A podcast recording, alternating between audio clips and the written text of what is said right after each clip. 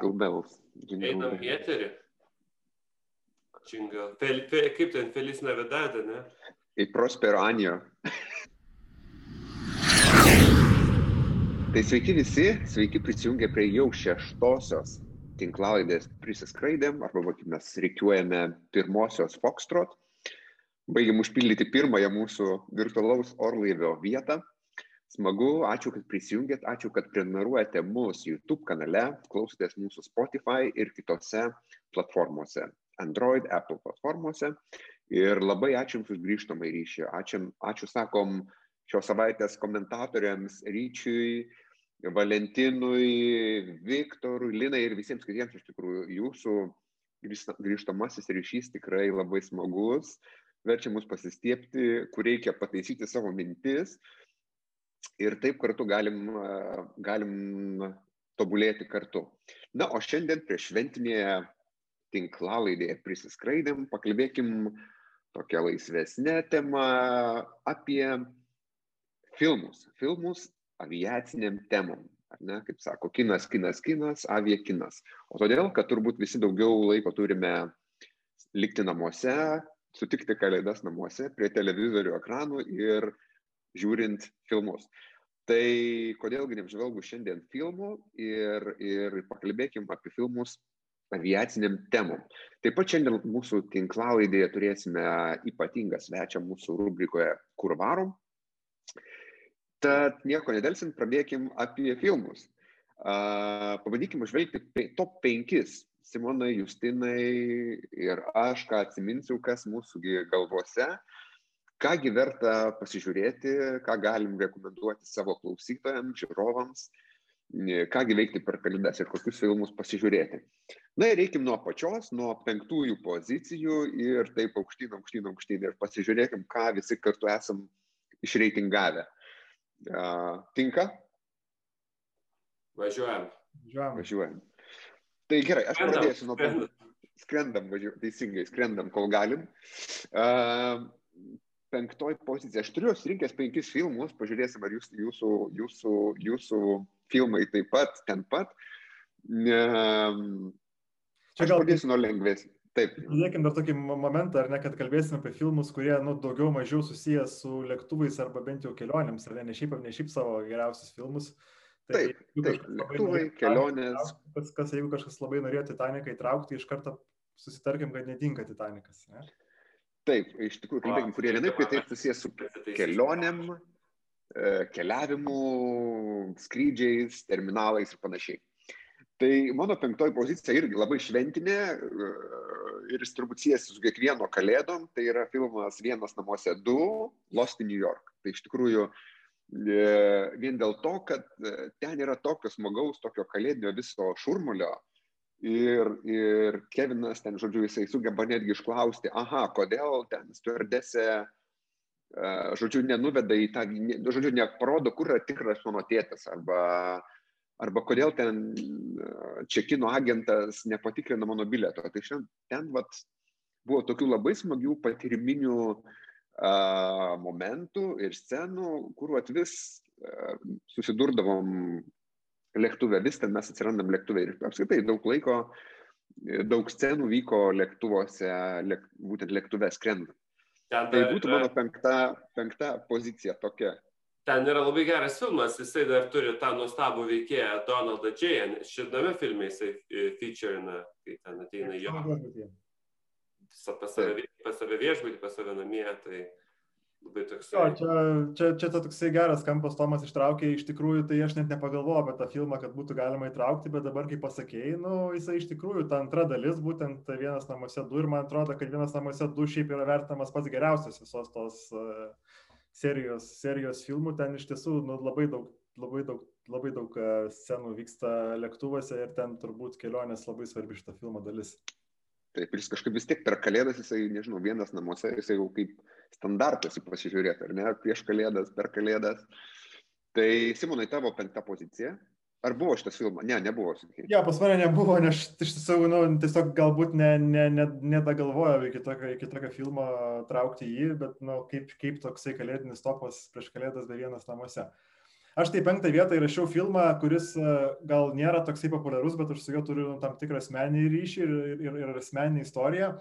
Aš penktoje vietoje įtraukiau filmą, kuris vadinasi Living in the Age of Airplanes, e, turbūt lietuviškai būtų gyvename lėktuvo amžyje. Ir e, tas asmeninis mano ryšys yra toks, kad man teko prisidėti prie to filmo parodymo Lietuvoje.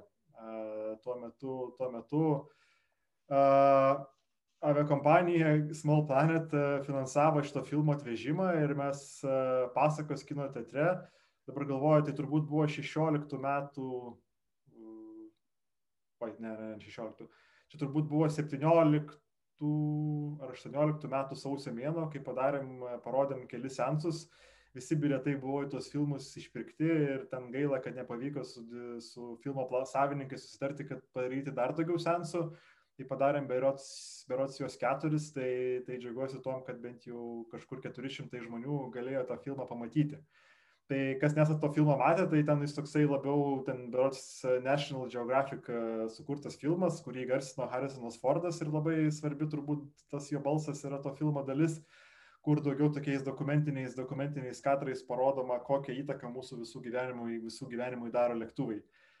Deja, aš iš tikrųjų nežinau legalaus būdo, kaip šiuo metu pažiūrėti tą filmą, nes kiek man teko pažiūrėti, bent jau perėti visas platformas, kurios, kurios Lietuvoje prieinamos, tai bent jau to filmo nėra, bet aš tikiuosi, kad anksčiau ar vėliau tas filmas atsiras, kas galbūt gyvenat užsienį, galit patikrinti, galbūt yra galimybė tą, tą filmą jums, jums kažkur tai susirasti ir pažiūrėti, nes uh, čia vienintelis mano, mano sąraše dokumentinis toks filmas, bet manau, kad jis turbūt uh, labiausiai tą visą kelionių dvasę ir aviacijos euforiją, euforiją perteikiantis, perteikiantis filmas.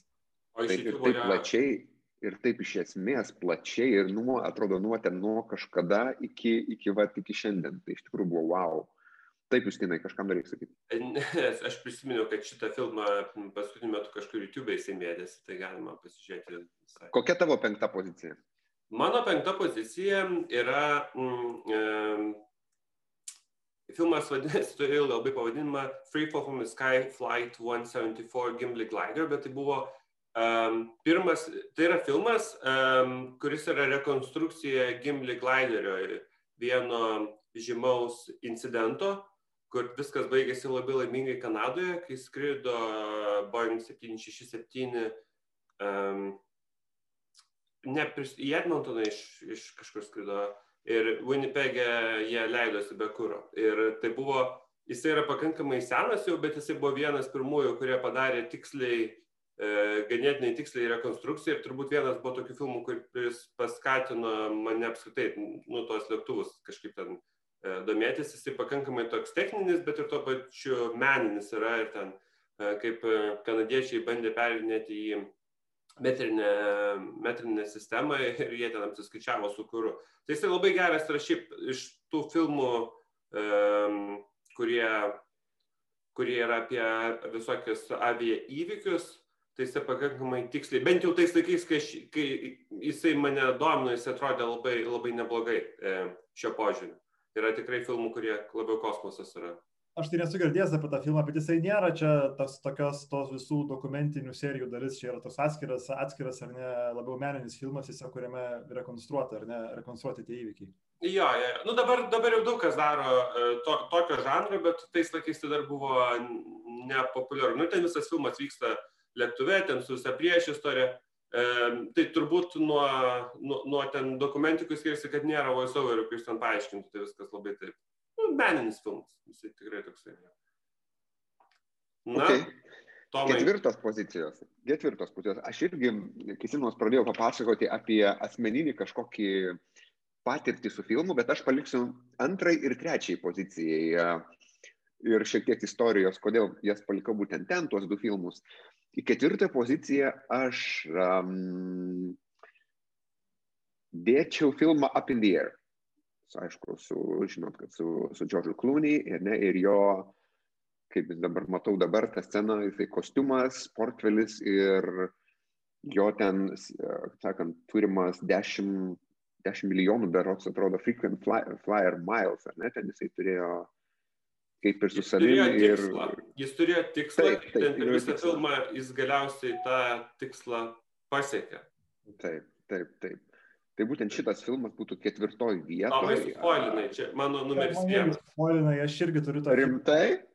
Mano numeris vienas yra. Aš irgi mano. Jūs nejuokaukit. Mano filmas irgi yra numeris vienas, būtent, būtent, būtent šitas. Aš labai ilgai galvojau iš tikrųjų, kaip tos filmus surikiuoti, surikiuoti į eilę. Ir, ir, ir pas mane šitas filmas yra numeris, numeris vienas.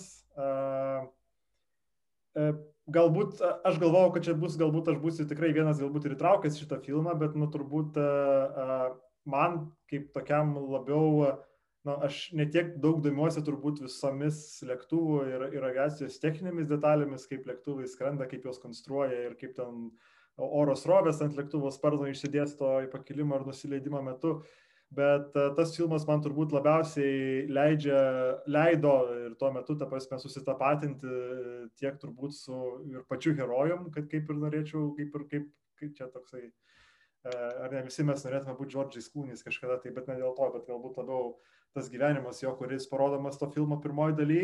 Ir, nu, manau, kad nu, turbūt čia tikrai suprantu žmonės, kad ne visiems tas filmas galbūt, galbūt, galbūt taip stipriai prilimpa, bet man tai visų aviacinė tematika parodytų, matytų filmų, tai yra numeris vienas. Ir, ir, ir tu pasakai savo ketvirtą vietą, bet tuo pačiu turiu įsiterpti ir pasakyti, kad jau iš principo paspoilinta ir mano, mano, mano būtent būsima pirma vieta. Ištinai?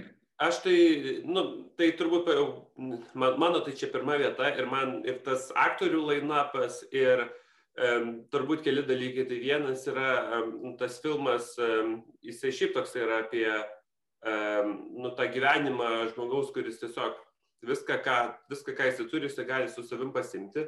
Ir ten labai daug yra tokių filosofinių temų, kuriuos jisai paliečia, e, kaip jam ten sako, tai tu numirsi vienas, jisai taip apsidairo, e, sako, tai kad aš čia tarp žmonių labai daug esu dabar oro uoste. Man, prasme, būtent tas kampas, kad ta prasme, tai nėra vien tik tai filmas, nu, ta prasme, į tą filmą galima žiūrėti labai paviršutiniškai, ta prasme, kaip kažkokį mylių rinkimą kaip tikslą, kas savaime yra kvaila nu, iš savęs, bet jisai, ta prasme, kabina daug tokių gyvenimiškų, nu, ta prasme, tokių ir vienatvės, ir santykių temų, ir, ir, ir visų, nu, ir, ir, panašių. Ir jie ten bando dar padaryti tokį įdomų, nu, pagrindinis veikėjas jisai yra profesionalus žmonių atleidėjas. Tai bando vienu momentu dar padaryti čia labai šiais laikais relatable bando jie e, neskraidyti, o padaryti per, nu, ne, ne Zoomą, bet kažkokią ten sistemą atleidimą ir kaip tiem ten nepavyksta, bet viską per koskatingą bando daryti. Tai dar įdomus dalykas man yra, kodėl tas yra e, įdomus, nu jie ten renka mylės, bet man atrodo, Klūnė personažas labai gerai atskleidžia visą absurdą su corporate travel expenses visais, visom taisyklėm, kurios yra kaip, kaip, kaip jos nuvažiuoja ir kaip nu, tie corporate e, travel robotukai, kaip jie tada tas taisyklės bando apžaisti. Taip, taip. Tai, žodžiu, yra. aš tą filmą esu matęs, nežinau, nu, turbūt žiūrėjau kokius nu, penkis kartus, šešis, septynis, bet uh, gal du tokie įsiminę žiūrėjimai mano, ta prasme, aš vieną kartą esu žiūrėjęs jį lėktuve uh, ir berots tai buvo, dabar ne, neprisiminsiu, kokios yra kompanijos lėktuvas, bet tai nebuvo American Airlines lėktuvas, Ir e, lėktuve į tą, nu, į, į FAS sistemą buvo įdėta versija, kurioje buvo iškirpta, kad uh, visi paminėjimai American Airlines, ten ta prasme jisai renka American Airlines lėktuvus ir ten vaikšto po American Airlines lounge'us. Tai buvo, nu, užtildyta ir, ir, ir, ir kažkur užtušuota, ta prasme, tie lėktuvai, kuriais, kuriais, kuriais iš tikrųjų skraido. Tai, nu, tavo kompanija, nu, galbūt tai tik tavo kompanija, galbūt ir visos konkuruojančios savo kompanijos gauna tam, kurie parengė tam lėktuvui skirtą versiją, kuri, kuri, kuri, kuri, kuri buvo ten. Tai toksai irgi įdomus kampas, kaip tą, kaip, tą, kaip tą filmą teko žiūrėti, kuris dar tokį įdomų, įdomų atspalvį išdėjo. Tai a, iš tikrųjų tas filmas buvo lietuviškam Netflix'e ir aš jį dar žiūrėjau turbūt prieš pusę metų ar metus, bet bent jau kiek patikrinau dabar, likta jo nebėra. Uh, jį galima nusipirkti Google Play už 2,99 uh, legaliai, legaliai pažiūrėti bet jeigu aš neklystu, Lietuvos televizijos yra įrodžiusios, tai galbūt būtų galima pažiūrėti, ar nėra kažkada kartojama ir kad jį būtų galima atsisukti ir susirasti kažkaip taip pažiūrėti. Na nu, ir galite, arba galite nusipirkti, bet po to dar, kad patogiau būtų iš LM atsisiųsti. Tai jo, ir ten, nu, dar jeigu tokia žiūrėti tokia iš labai tokios aviacijos romantikos frazės, man labai yra irgi įstrigusi filmo pati pabaiga, kur ten berots, neprisimenu, kaip tai skambėtų lietuviškai, kaip ten būtų galima įgarsinti, kad jeigu žiūrėsi į dangų ir matysi žvaigždės, tai viena žvaigždelė gali būti, kuri juda, bet tai mano lėktuvo sparnas, kuriame aš sėdžiu. Tai, nu, irgi, irgi, irgi tokia filosofinė, filosofinė ir romantinė tema, romantinė linija įdėta į patį tą, į patį tą, skrydį, į patį tą filmą. Gerai, įsikalbėk mane, aš tikrai žiūrėsiu per šitą šventęs, dar kartą noriu pažiūrėti. Gerai, e, eikim prie. Dabar, dabar turbūt eilė eina yra man kalbėti apie savo ketvirtą vietą, ne? Taip. A, aš į ketvirtą vietą įrašiau tokį turbūt filmą, kuris labiausiai su aviacija siejasi iš pavadinimo. Tai įdėjau 2004 metų filmą su Leonardo DiCaprio aviatorius. Uh, turbūt ne vienas tą filmą busit matę, tais metais, kai jį rodė, tai jisai buvo tikrai toks vienas iš tokių didžiausių biudžeto filmų ir, ir daug apie jį kalbėta ir berots ten nemažai įvairių apdovanojimų kino pasaulyje susižėręs tas filmas. Uh, teko man jį peržiūrėti galbūt prieš, galbūt per pirmą karantiną uh, šį pavasarį, žiūrėjau Amazon Prime, jisai yra ir Lietuvoje prieinamas per Amazon Prime. Tai buvau iš tikrųjų pamiršęs netgi galbūt dar tą tokią komercinę liniją būtent aviakompanijų konkurencijos, būtent aviacijos, komercinės aviacijos gimimo užroje, nes kaip žinia, tas Leonardo DiCaprio vadinamas herojus yra vienos iš kitos su Panama konkuruojančios aviakompanijos vadovas, įkvėpėjas ir toksai uh, IWA po to jinai išvirto. IWA, ta prasme, ir, ir, ir jų tas visas tiek teisinis karas, tiek toksai emocinis ir, ir vidinių išgyvenimo karą, vidinius, vidinius išgyvenimus atspindintis, atspindintis situaciją. Tai jinai įdomi ne vien tik tai per tą tokią nu, aviatoriaus prizmę ir, ir, ir, ir, ir kaip jo asmeninius išgyvenimus, bet tuo pačiu metu ir apie aviakompanijų konkurenciją toje na, komercinės aviacijos aušroje, kai dar viskas buvo sureguliuota ir kur ypatingai svarbu vaidmenį vaidino visi reguliatoriai teisių, duodantis teisės kažkur tai skristi ir, ir, ir panašiai.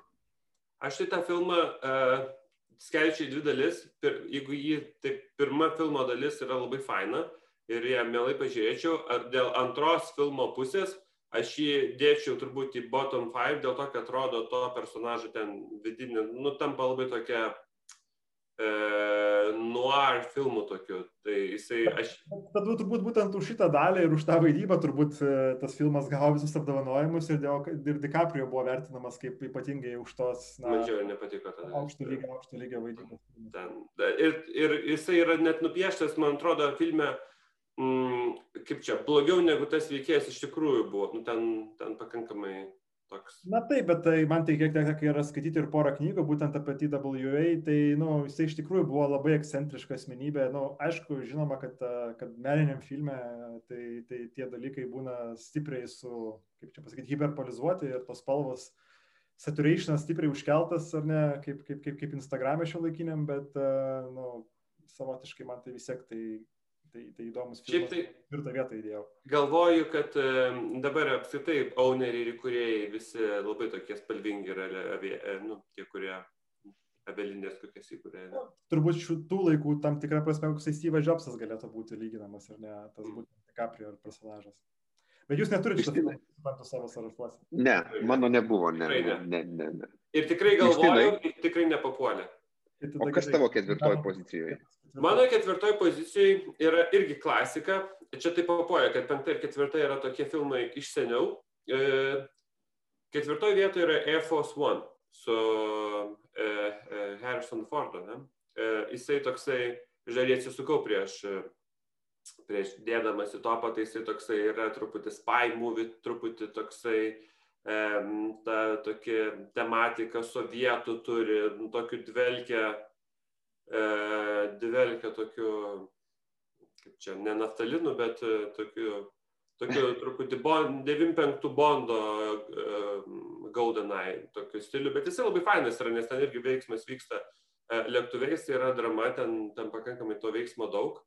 Uh, tai, tai va, ir jisai toks irgi geras, senas klasika. Jūs nesi paminė antrą filmą, kurio aš nesu matęs, tai, tai džiaugiuosi, kad netgi į šito podcast'o įrašymą bent jau turėsiu Taip. filmą, į sąrašą filmų, kurių pažiūrėti reikia. O Justinai, kur žiūrėjai šitą filmo platformą? Kur, E- kur, Esu kur... tikras, kad mačiau per e, LNK arba TV3, e, nes čia jis yra pakankamai senas. Um, tai aš iš tikrųjų e, iškarpas dabar žiūrėjau, kad prisiminti uh, YouTube, bet uh, nu, yra dar tas senas geras uh, lietuviškas portalas, kuriame rodo Aš filmus. manau, kad mes galėsim e, visus savo penketukus įdėti galbūt į aprašymą šito, šito, šito mūsų podcast'o, Jo, kad būtų lengviau surasti iš pavadinimo tos filmus, kuriuos mes Taip. Mhm. Gerai. A, gerai, kilkime aukštyn į top 3, trietukas. Ir um, aš galvojau, kaip išritinguoti savo antrą ir trečią poziciją, nes abu šitie filmai turi mano kažkokį tai asmeninį, sakykime, prisilietimą vien dėl to, kad abiejose vaidina aktorius, kurį aš mačiau gyvai ir labai iš arti. Tai yra Tom Hanksas.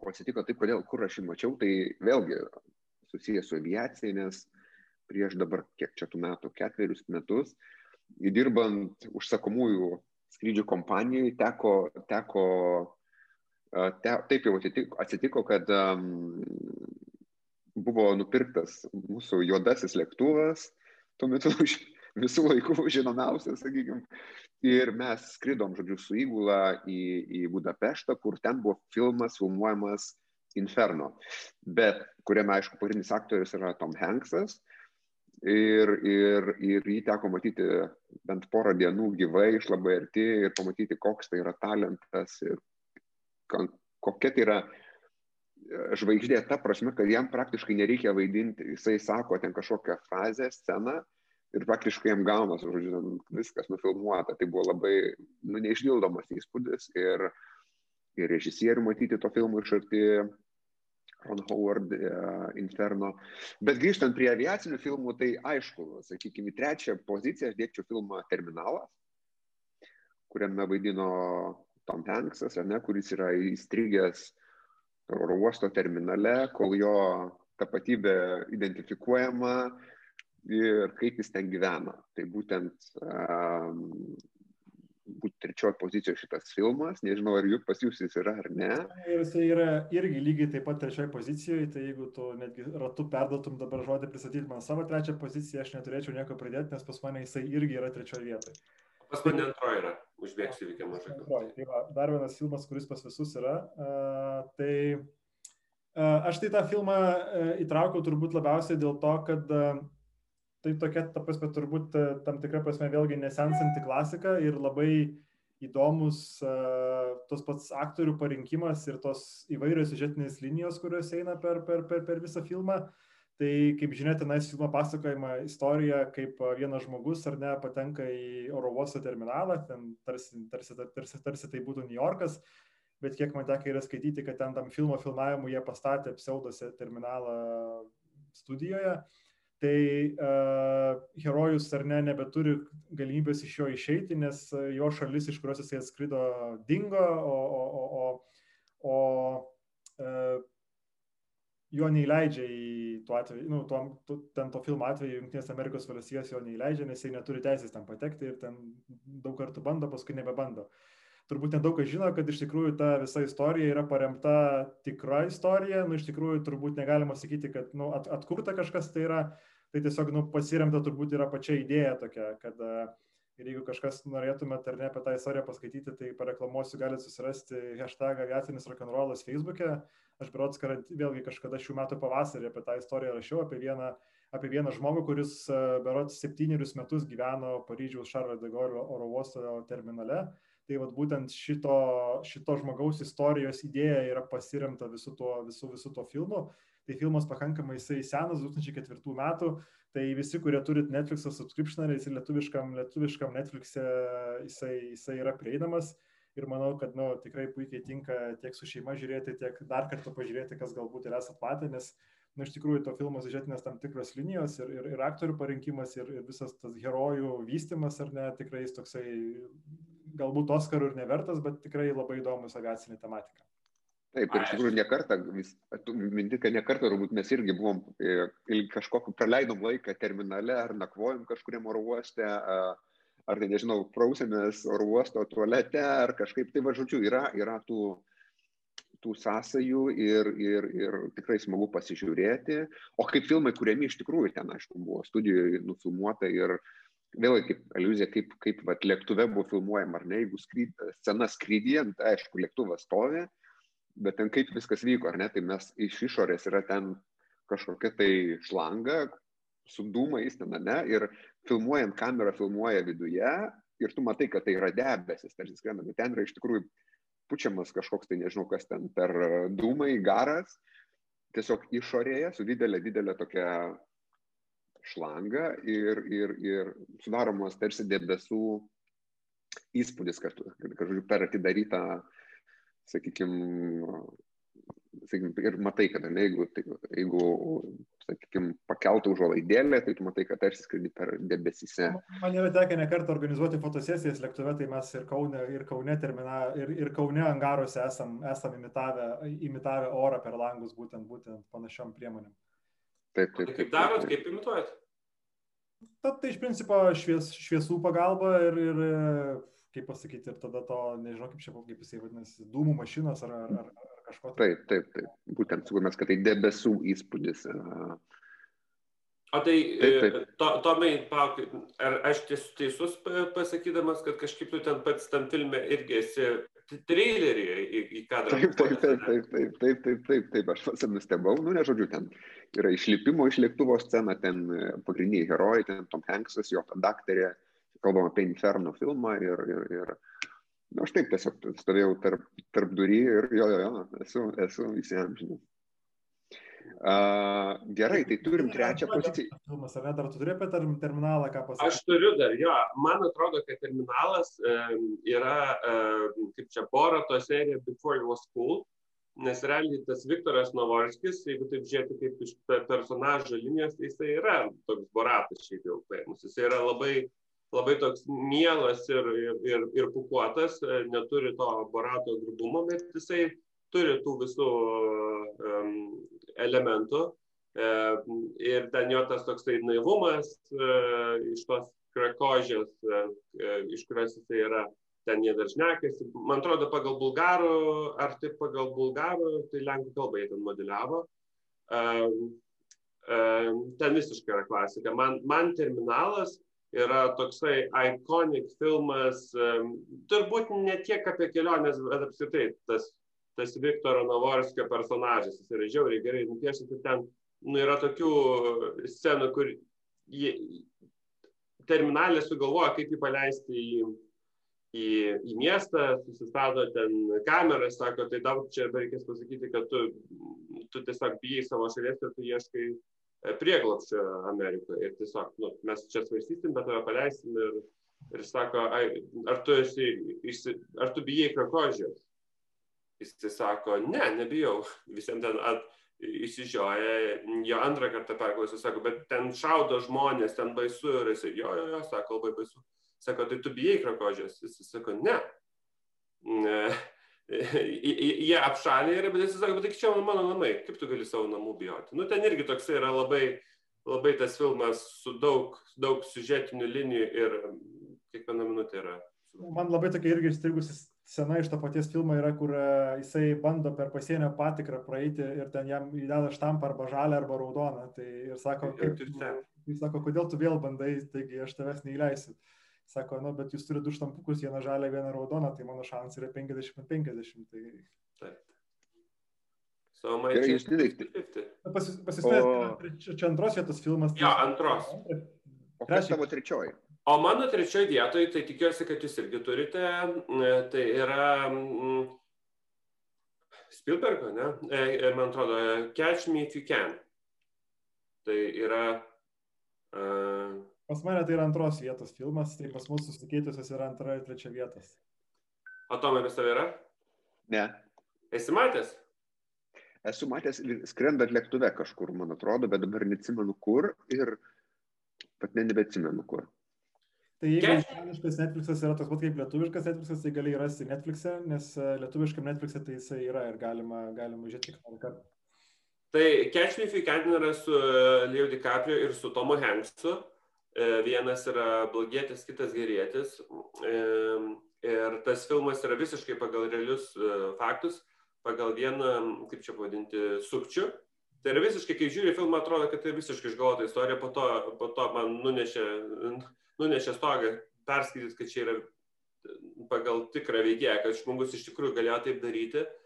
Irgi ten yra daug, daug epinių scenų, ten tokia iš šių laikų, kad lab, labiausiai tokia e, scena, kai blogietis skambina geriečiai kalėdų ar tai kučių vakarą ir ten, ten va, tu manęs nepagauni, o, o tas gerėtis sako, bet tai sako, tu čia man dabar skambini per kalėdas, dėl to, kad niekam daugiau neturi kam paskambinti. Nu ir toksai Um, geras filmas, jisai, jo pabaiga irgi turbūt nėra labai, labai, labai linksma, bet jisai toks tai turi, um, toks nuotikinis labai.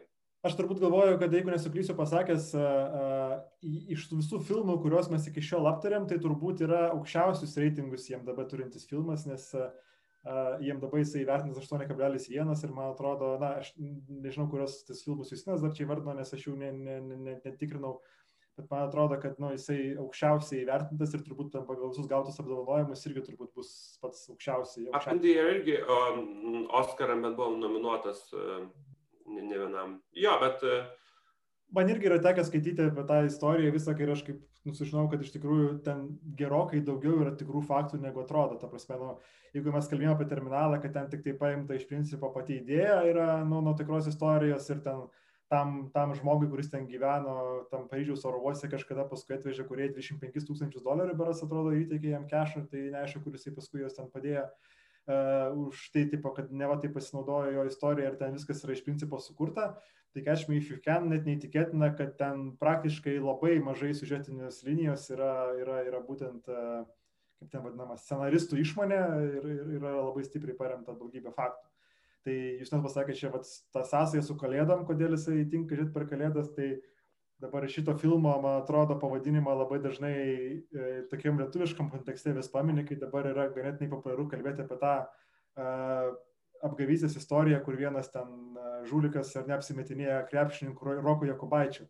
Tai ir, ir, ir tai iš tiesų irgi savo fabulą labai stipriai primena, kad, e, kad nu, E, dabar turbūt galbūt būtų sunkiau apsimesti lėktuvo pilotu ir patekti į lėktuvo kabinas šiais laikais, tikėkime, nu, čia nieko negali, negali sakyti, sukti iš mane gudri, bet vat, apsimesti garsių krepšininkų ir ten panaudoti tai net nu, blogiems tikslams iš principo, tai, a, tai vis dar yra įmanoma. Tai, nors, tai, aišku, ta prasme, turbūt nereikia, nereikia turbūt teigiamai kalbėti apie sukčius, bet, bet Catch Me If You Can iš tikrųjų turbūt nu, tikrai prisideda prie to, kad uh, tam tikrą prasme romantizuoja visą, visą, visą sukčiavimo istoriją, bet, bet, bet tikrai yra labai, uh, nu, turbūt vėlgi iš mūsų į, į, išvardinto viso sąrašo mažiausiai aviacinis filmas, nors ten daug veiksmo vyksta lėktuvose ir nu, pagrindinis herojus uh, viskas savo sieja su aviacija, bet jis turbūt bus tikrai įdomus uh, ir tiems, kurie, kurie, kurie nu, nejaučia jokių jausmų šitam, šitam, šitam, šitam sektoriui. Dar tas bičias, tai jisai dabar dirba ten FBI kažkokiose struktūrose, padeda, padeda pagauti blogiešius. Tai buvo, žiūrėjau, pakankamai neseną YouTube interviu su juo, tai jisai pasakojo, nu, va, tokį įdomų kampą, kad visi jo klausė, oi, tai tais laikais nebuvo interneto, čia žymiai buvo lengviau sukčiauti, jis sako, oi, nesako, tai dabar, dabar kaip tik yra e, visiškai neribotos galimybės. Ir tiesiog, nu, kai žmonės to klausia, akivaizdžiai nemato to, ką, ką jisai pats mato, kiek dabar visokių galimybių yra.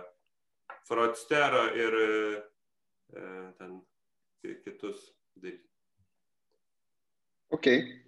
Tai ką, eikim aukštyn prie, prie antrųjų pozicijų. Ar jūs pasiruošę? ne, mano antroji.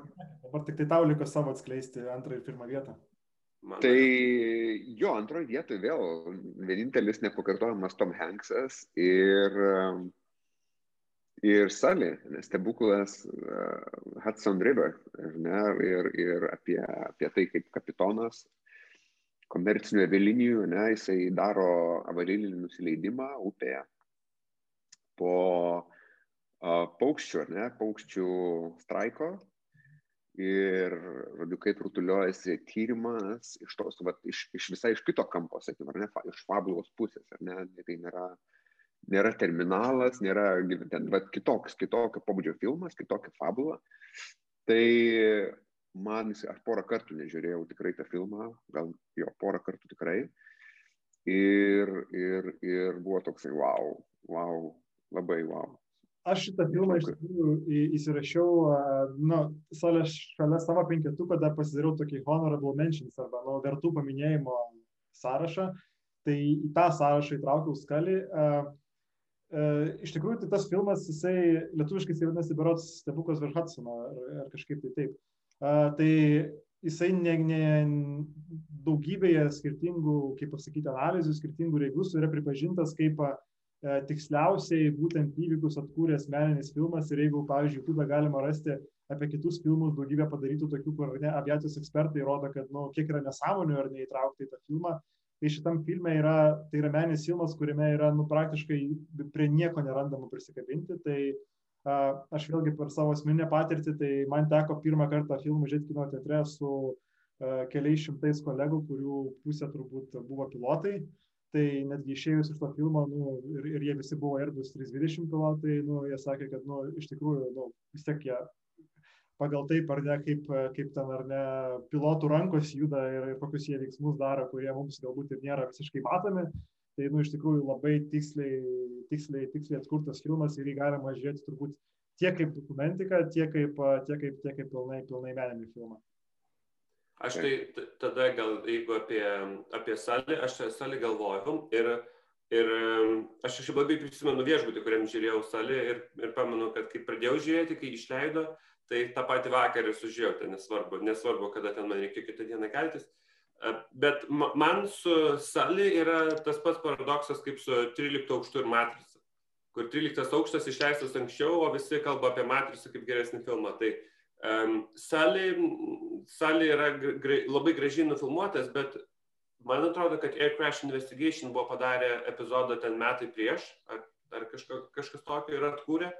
Tai Air Crash Investigation epizodas apie, apie tą Hudsono skrydį, US Airways skrydį, yra žymiai tikslesnis. Ir vad kaip mačius um, Air Crash Investigation ir po to pažiūrėjus uh, Sully, labai lenda Sully filmo perdramatizavimai. Nu ir ten netikslumų iš tos siužeto linijos šiaip yra. Ten gal apie patį kokpitą yra viskas gerai atkurta, bet, bet žiūrint iš, iš to, kaip ten, kaip ten po to su pilotu buvo, kas vyko po to, tai iš esmės parodyta 180 laipsnių.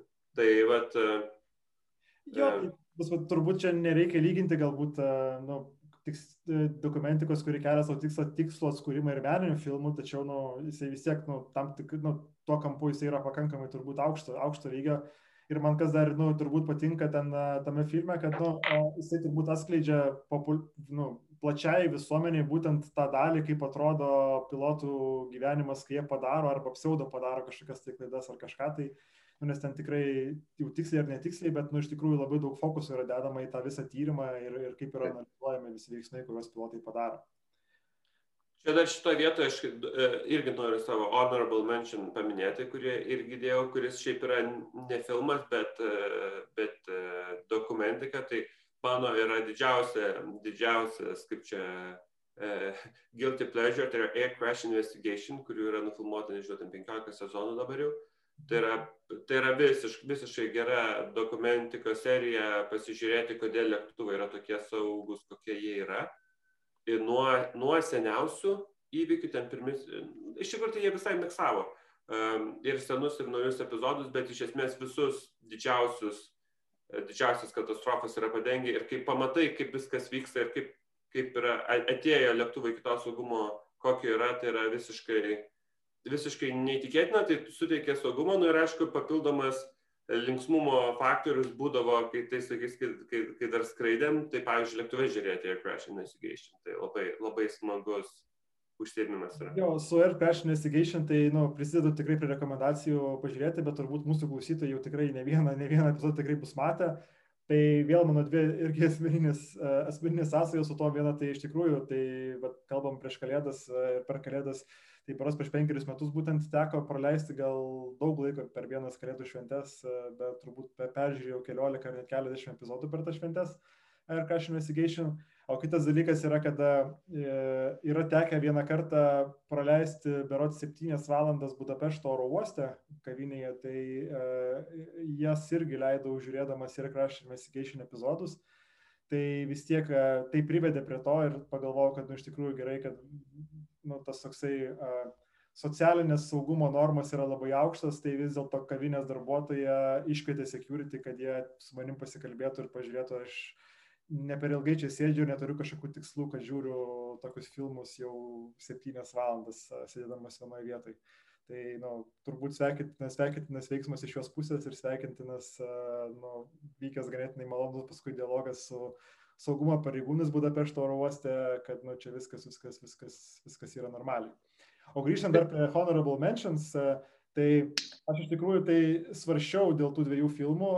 Tai vienas yra Salė, kurį įtraukiau į Honorable Mentions, tai kitas irgi filmas, kuris yra panašios kategorijos, nes jisai realiai nu, fokusuojasi vien tik tai į meninį atkūrimą tam tikrų įvykių. Ir tai yra filmas United 93 arba United 93. Uh, tai man irgi uh, stipriai patikęs filmas, kuris fokusuojasi. Apie 9-11, ne? Jo, apie būtent rugsėjo 11-osios įvykius, e, kaip čia pavadinti, turbūt ketvirtą lėktuvą, kuris buvo nutaikytas į Pentagoną, tačiau e, dėka, dėka keleivių iniciatyvų jisai sudužo pievoje, tai nors ir visi to lėktuvo keleiviai žuvo ir turbūt nėra taip paprasta tinkamai atkurti ar ne viskas, kaip ten, kas ten tame lėktuve dėjosi, dėl to nu, galima diskutuoti dėl tikroviškumo būtent, būtent, būtent įvykių uh, tame filme. Tačiau, nu, tai toksai vat, šalia man, šalia salis stovintis filmas, kuris e, irgi meniškai, įdomiai, dramatiškai tuo pačiu atkuria įvykius, apie kuriuos turbūt, nu, yra stipriai per mažai kalbama, ar ne? Kai kalbame apie 911, tai nu, akivaizdu, kad dar nesusifokusuojama į tos lėktuvus, kurie, kurie pataikė į bokštus būtent dvinius, bet šalia to vyko ne ką mažiau drama, dramatiška istorija ir jinai yra sudėta į filmą United, United 93. Ir būtent kaip minėjai, Simonai, apie Budapešto oro uostą, tai yra turbūt vienas iš tų oro uostų, kiek man pasakojo, žodžiu, ten dirbantys žmonės ir dirbantys su kino pramonė, kad yra ten labai daug sukūriama filmų, būtent kai reikia filmuoti lėktuvų, aviacijos scenas, būtent antrajame terminale, kuris po vietinio tų laikų vežėjo, sakykime, kuris bankrutavo, ten tiek sumažėjo skrydžių, kad ten operacijos nebevyksta tam antrajam terminale Ir būtent, aišku, ten yra pigu filmuoti, vien dėl to ir ne vien dėl to yra ta, tas oro uostas ir tas terminalas, kur filmuojama daug filmų. Jo, tai Budapešto uostas turbūt mėgsta ne tik tai filmus, bet ir apskaitai visokias pramogas, nes man yra tekę dalyvauti bėgime ant Budapešto oro uosto tako ir kiekvienais metais jį organizuoja kadangi Budapešto oro uostas pakankamai mažas, bet jisai turi du takus, tai jie vieną taką nesunkiai šeštadienio pusdienį uždaro ir ant jo organizuoja labdaringą, labdaringą, labdaringą bėgimą. Taip. Tomai, o tai kokia tavo numeris vienas? Aš nesupratau, kodėl, kodėl filmas, kur Kristau vadinasi tiesiog skrydis, nėra jūsų dešimtukė, penketuke. Denzel Washingtono?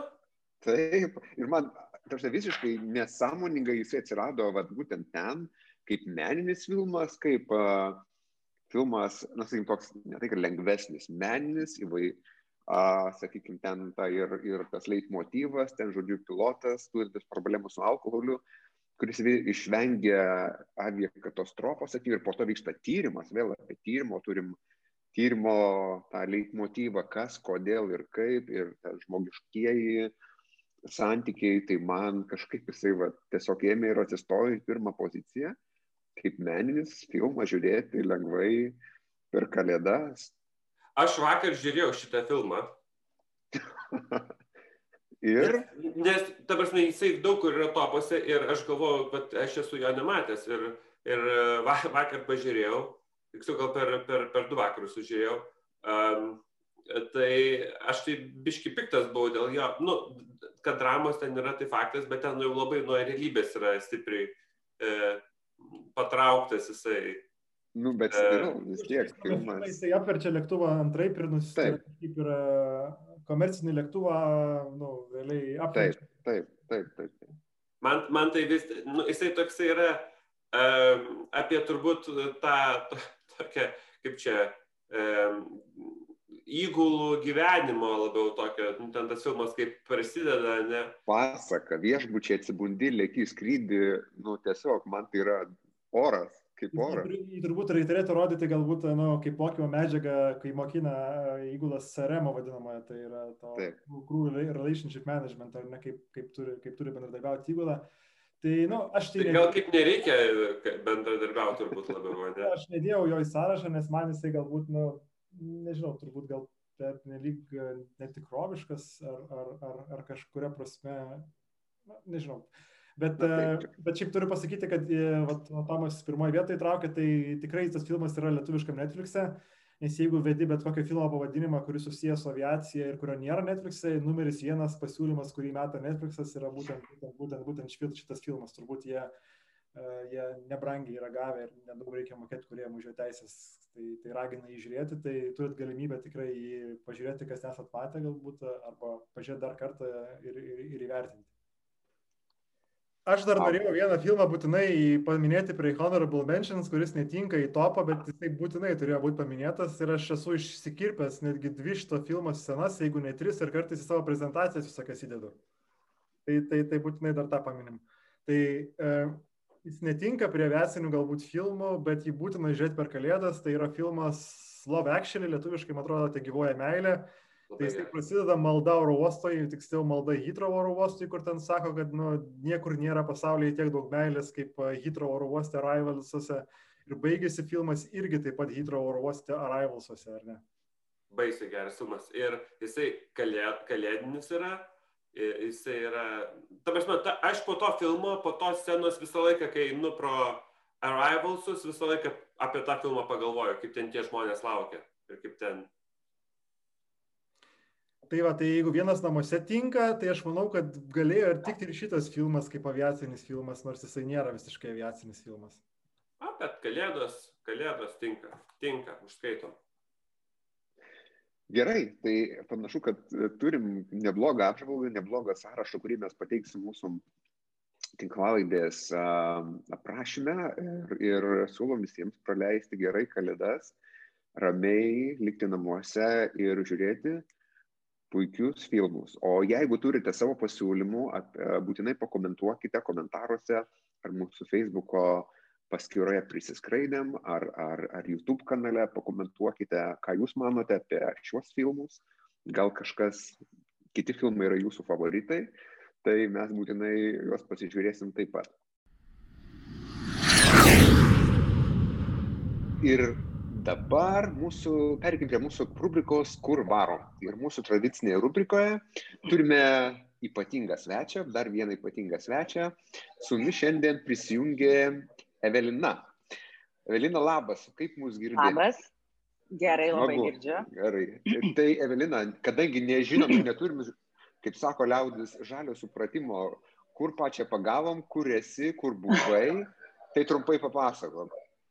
Tai dabar esu Meksikoje, Kankūne, aišku, tai nėra pats įdomiausias miestas, bet tai yra geras hubas skrydžiams, todėl čia ir esu, jau antrą kartą šioje kelionėje. Um, tai dabar ką tik grįžau iš Belizo ir toliau keliausiu į Panamą iš čia.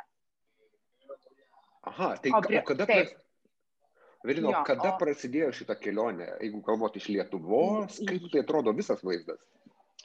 taip datas dabar tiksliai net neatsimenu, bet maždaug prieš pusantro mėnesio. E, tai išvariau iš Lietuvos, Meksikos City, tada šiek tiek po Meksiką, jau ne pirmas kartas Meksikoje, trečias man, bet buvo ir naujų vietų pamatyta. Jo, ir tada vėl į tą Kankūną, tada į Belizą 10 dienų, dabar vėl Kankūnas ir tada toliau, toliau Panama, man rodos, iš Panamos, ne, jau nebegrįšiu į Kankūną. Tada į Kosta Riką, kur nesu buvus, ir dar į Dominikos Respubliką. Super, Elina, tai kaip supratome, esi pasaulio keliautoja, užkariautoja ir ne po vieną kartą.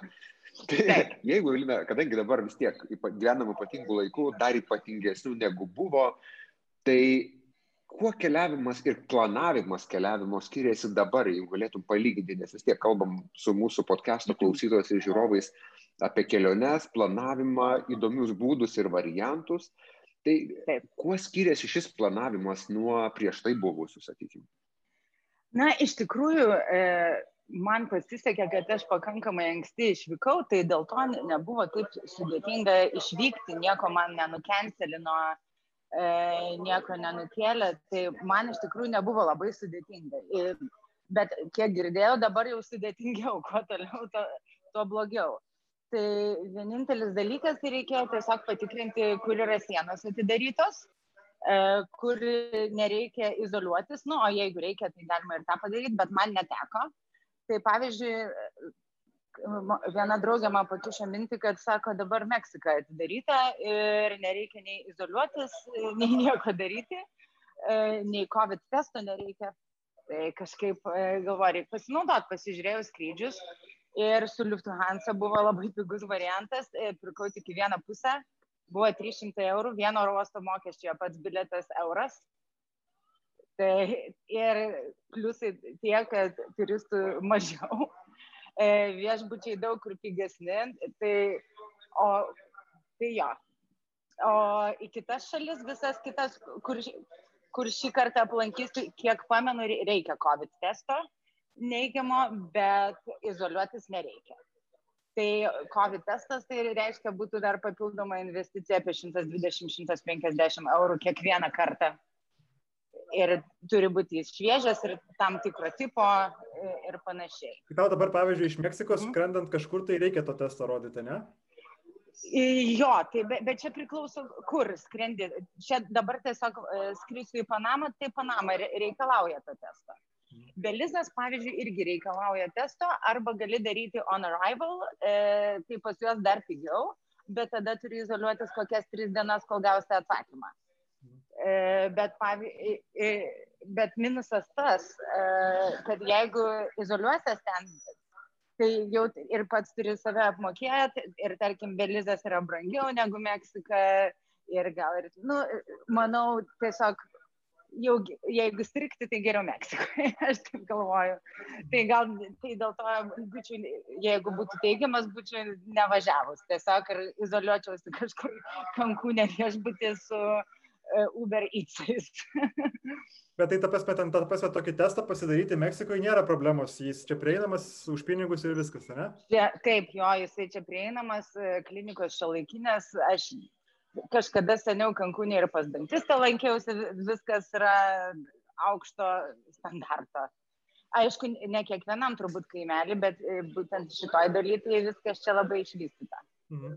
O kaip tai patys, nu, pats buvimas dabar, ar yra daug kas apribuota, ar yra kas uh, uždaryta, kas nedirba, ko negalima daryti ir ką reikia irgi vietoj?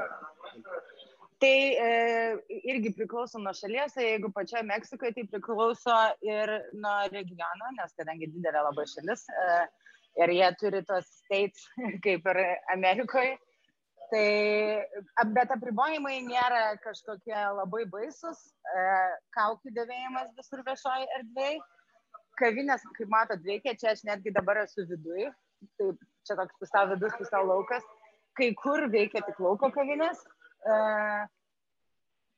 Čihuahuoje buvo komendanto valanda, man rodos, kad reikėjo jau ten dešimtą jau būti namie, bet dienos metu lauko kavinės, pavyzdžiui, veikia. Nu, o šioj daly, tai na, tik tiek, kad gal kokie naktiniai klubai ne, neveikia, bet net nežinau, ir e, gal yra kažkokie užsidarimo apribojimai, bet man, net, man net neįdomus, nes aš dešimtą buvau lovoje, kad atsikelčiau reikiamų laikų su Europos darbais. Tai net, ne, net nežinau. Kaip atrodė, o kaip atrodė skrydžiai iš, iš, Liet... Gerai, iš Lietuvos, tai aš galiu įsivaizduoti, bet iš Frankfurto į, į turbūt Kankuną e, tiesioginis yra ten. Aš, aš skridau Meks, į Meksiko City pirmiausia. Okay. Tai jo, iš Frankfurto, iš Frankfurto buvo tiesioginis, tai šiaip buvo pilnas, ganėtinai apskritai, kiek aš to COVID travel dariau, tai pilnuoki lėktuvai visada. O kaip, jo, o kaip atrodo dabar maitinimai, ten žmonės su kaukiam? Aš kažkaip, aš kažkaip e, galvoju, kad naktį labai, nu, nieks ten tų kaukių nes... Ne, ne, nes iš, tikrųjų, e, iš tikrųjų visi ten viską dėvi, kiek man teko matyti. A, o maitina irgi. Nors lėktuvės saugus jausmas, ne? Jo, jo, jo, jo. Bet, va, pavyzdžiui, aš atsimenu, kai buvo Lietuvoje pirmas karantinas, aš tada buvau išskridus į Stokholmą. Tai jau tada jau ten duoda tau vandenuką ir sumuštinį supakuotą, niekas nieko tavęs neklausia. jau jokio meniu nėra. O dabar ten tie transatlantiniai skrydžiai, tai ganėtinai viskas standartiškai ir ten prašai, ten ko, ko nori, kiek nori. tai, jo, tai tik tiek, bet uh, mano toks, nu čia gal nelabai gražu, bet nuolat kažką užsisakyti, kad nereiktų nusitraukti, nes valgant ir geriant nereikia jas dėvėti. Tai jeigu visą laiką va, turi kažko kitokį, tai ir, nu, ir nieko ir nebereikia nes vis tiek pavargsti per 10 valandų. Tai žodžiu, Evelina negazina kelionės, nes vis tiek labai turi, daug kas dabar keliautojai, kurie nori keliauti, labai turi žymiai daugiau saugiklių, nei jų buvo anksčiau.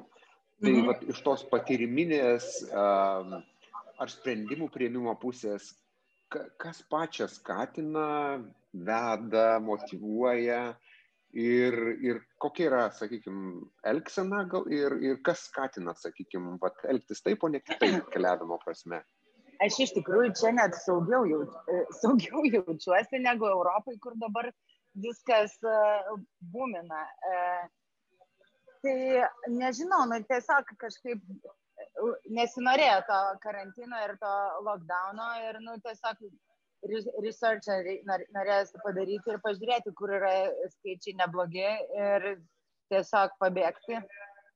O čia aš tai jaučiuosi, kad pakankamai laikausi visų, visų saugumo ten tų dalykų.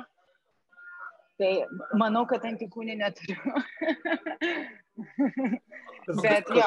Pusantro mėnesio jau šitą kelionę, ar neteko susidurti, kad kažkas, ta prasme, nu, vat, eigoje keistųsi, ta prasme, ar kažkokios taisyklės keistųsi, vat, ar Meksikoje, ar Belize, nu, tada kaip, kaip viskas prasidėjo, nu, nes ta, turbūt, dabar turbūt kas labiausiai žmonės ir išgazina kartais, kad tu negali įvertinti, kas bus po mėnesio, nu tiksliai, ta prasme, nu, čia netgi ja. apie Lietuvą arba Europą, nu prieš mėnesį viskas atrodė kitaip, dabar atrodo dar kitaip kaip atrodys po mėnesio, nu vėl visiškai neaišku, gal ta banga atslūks ir mes čia vėl viską atidarysim ir, ir, ir, vėl viskas bus kaip buvę.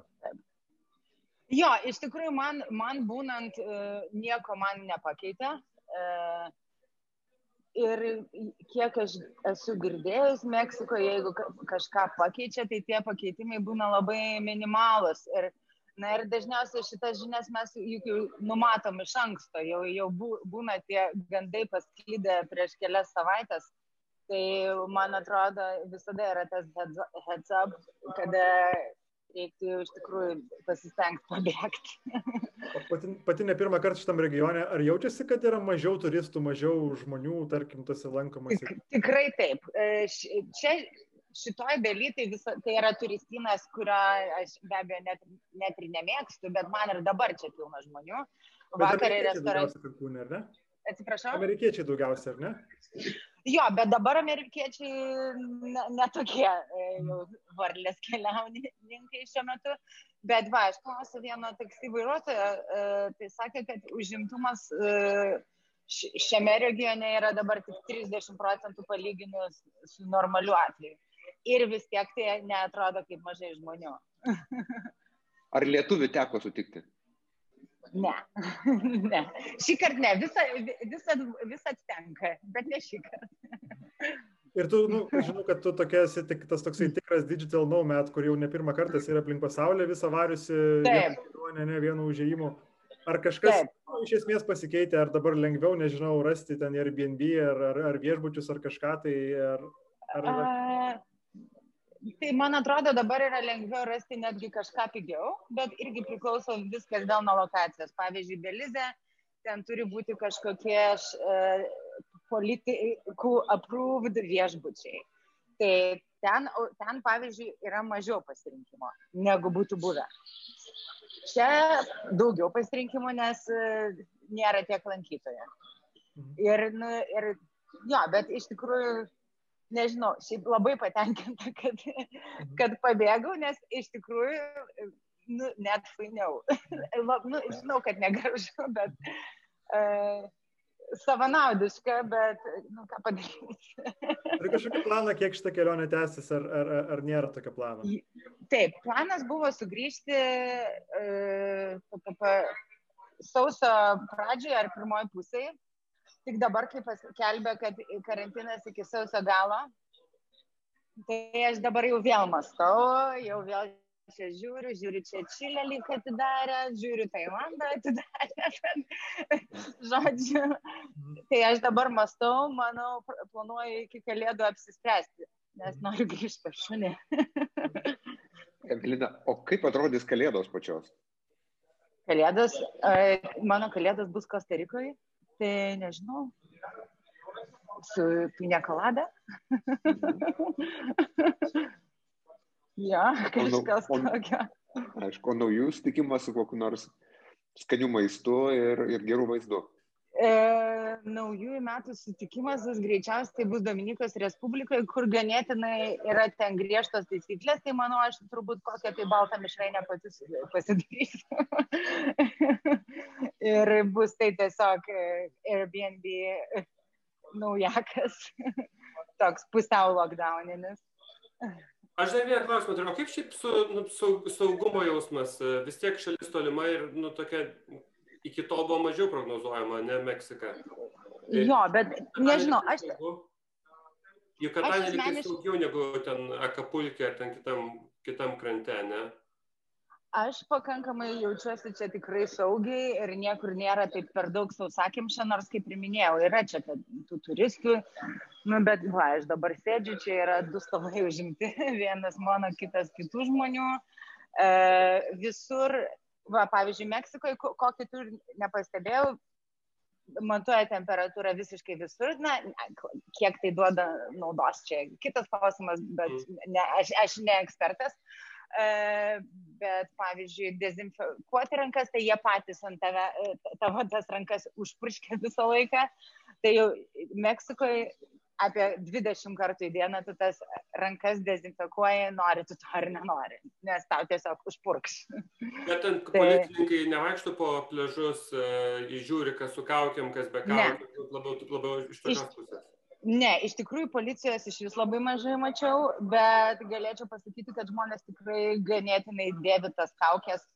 Net, e, net vienoje vietoje, e, Beach Town'e, mačiau šun, žmonės ryte vedžioja šunį anksti ir vis tiek su kaukė. Bet Nors tai yra vienu, dviem, vienu tėliu. Proto lygiai, ne? Kaip sakot? E, sveiko proto likiai yra neina maudyti su kaukė mane. Nu, jo, jo, jo, likiai, likiai. jo, nu aš taip e, pleže su kaukė nebūnu. Aišku, nebent ten reikia. Tos, toj sausakimšai niekada nebuvau. Bet jo, va, belizai ir pavyzdžiui, su dviračiu važiuojant turi būti su kaukė. Tai nelabai norisi tą daryti, nu tai iškiši ten tą nosį. o, o ten, kur tikrai reikia, tai darai viską. O, o pačiu Meksikė visai kitoks gyvenimas, ne? Meksikos sityje. Uh, nu, nėra visai kitoks gyvenimas. Ten, ten labiau jaučiasi tas karantinas, kai 21.30 uh, vakare jau visos kavinės užsidaro ir taip pasidaro tikrai žymiai ramiau, take away dar vis veikia, bet, nu, jau jaučia, kažkaip labiau jaučiasi, bet dienos metu tai, tai aš su, su tom valandom ne, nežinau, kiek tai daug naudos neša, nes ten dienos metu parkai pilni žmonių, žodžiu. Gal, nežinau, galėtų gal ir geriau susitvarkyti. Evelina, Taip. Tai sakom, ačiū, kad, kad pavyko prisijungti prie mūsų tinklalaidės. Tikim, kad prenumeruoji, klausai, žiūri, kad padeda keliauti, galbūt netgi mūsų patarimai taip pat. Tai linkim gerų taip. švenčių, dar įspūdingesnių kelionių, planų, įgyvendintų planų ir, ir, ir gerų švenčių artėjančių. Ačiū labai ir jums gerų švenčių. Iki. Iki vis. Sorry. Dar kartelį sakom ačiū, kad klausėtės mūsų jau šeštosios arba pirmos Foxtrot tinklaudės prisiskraidėm. Linkim jums visiems ramių, sveikų, paprastų, bet neprastų šventų kalėdų. Sutikitės ramiai namuose ir aišku, būtinai prenumeruokite mūsų prisiskraidėm podcastą YouTube kanale, klausykitės mūsų Spotify, lauksim jūsų grįžtamo ryšio. Taip pat esame Apple, Android podcastuose, klausykite mūsų ten taip pat. Ir ką, sustiksim jau netrukus, kai toje mūsų tinklaladė bus jau antroji alfa. Ir ten kalbėsim aviacinėmis temos, temomis taip pat. Likit sveiki. Žiūrėkit filmus ir nesirkim.